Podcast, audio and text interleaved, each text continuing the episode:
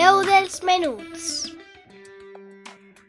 Un espai de literatura, diversió i entreteniment.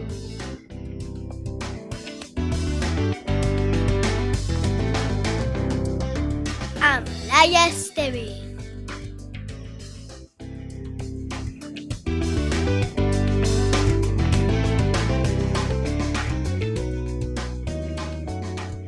Amics i amigues de la veu dels menuts!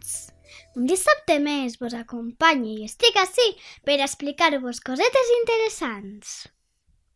Avui, com ja s'apropa el dia de tots sants, vull parlar de tots els mostres valencians i de les seues curiositats. M'acompanyeu? Comencem! Avui parlarem dels espantacriatures, personatges màgics de l'imaginari col·lectiu dels valencians i valencianes. Començaré explicant-vos un dels més coneguts. Presteu atenció, segur que el coneixeu. És el Butoni. Dimoni menor. S'emporta els infants que ploren i que no s'adormen. També els que no s'acaben el dinar o el berenar. Entra a les cases pel forat del pany o el badall de la porta. Una altra espantacriatura és el banyeta. És d'hàbits nocturns. Té una banya, que és el primer que veus quan ix de la foscor i ve cap a tu. S'emporta els xiquets que no volen anar-se'n a dormir. La quarantamaula. Rep tants noms conforme es pot adoptar la por. Pot presentar-se com un gat monstruós o com un caragol despistat. Diuen que a Tibi i a l'Alcoià l'han vista en un pantà i és un dimoni emplomat. I també diuen que a la Ribera l'han sentida cantar.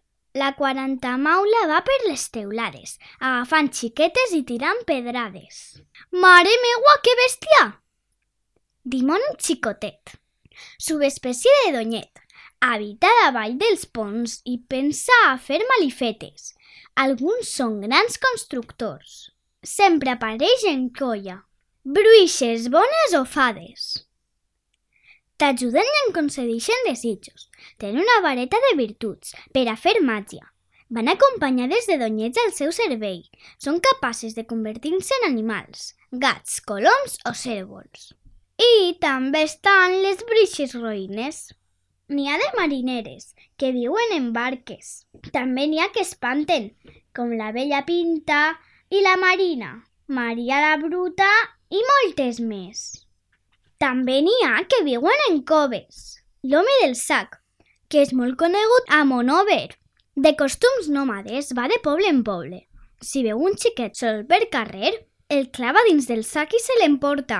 Les mares amenacen dient que el faran vindre si no ens portem bé. Donyets. Esperits familiars. Habiten les cases. De costums nocturns, canvien les coses de lloc, les amaguen i fan sorolls. A l'imaginari valencià també hi ha gegants. N'hi ha una família ben llarga. Tombatossals, esclafamuntanyes, arrancapins, bufanúvols, passapons, ferrobràs... També hi ha notícies d'altres de més balladors que es deixen veure les festes de nans i gegants. Alguns són molt forts, com Perot de la Marina o el forçut de Xixona.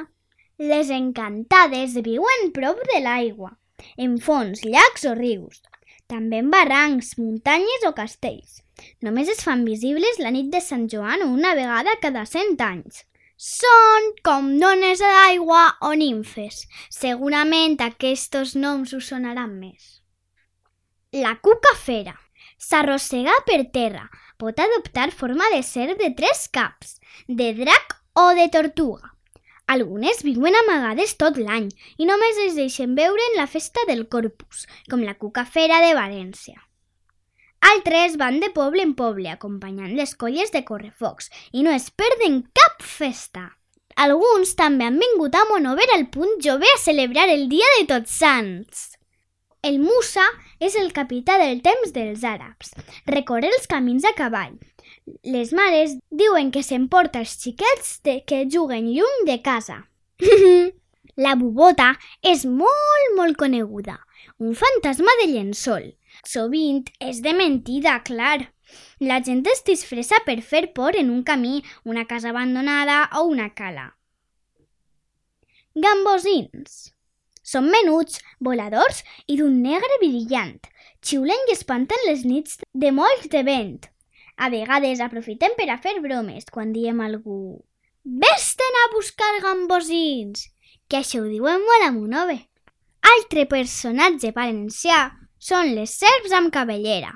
Serps gegantines, muden la pell i sembla que porten cabellera.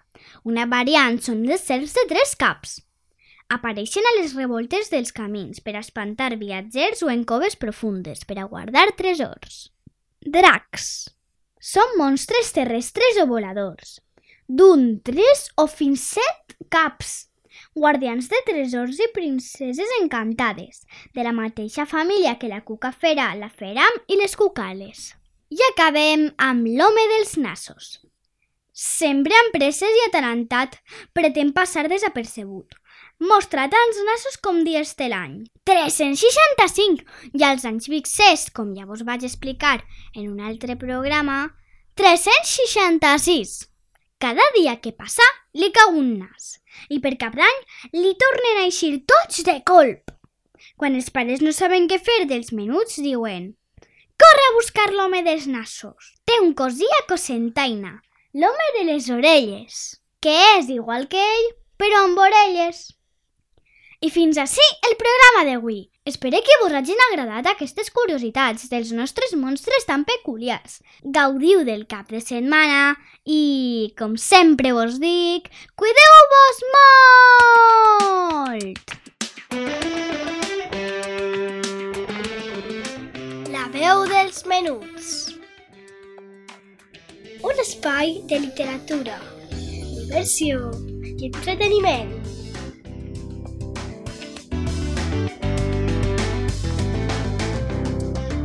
amb Laia Esteve.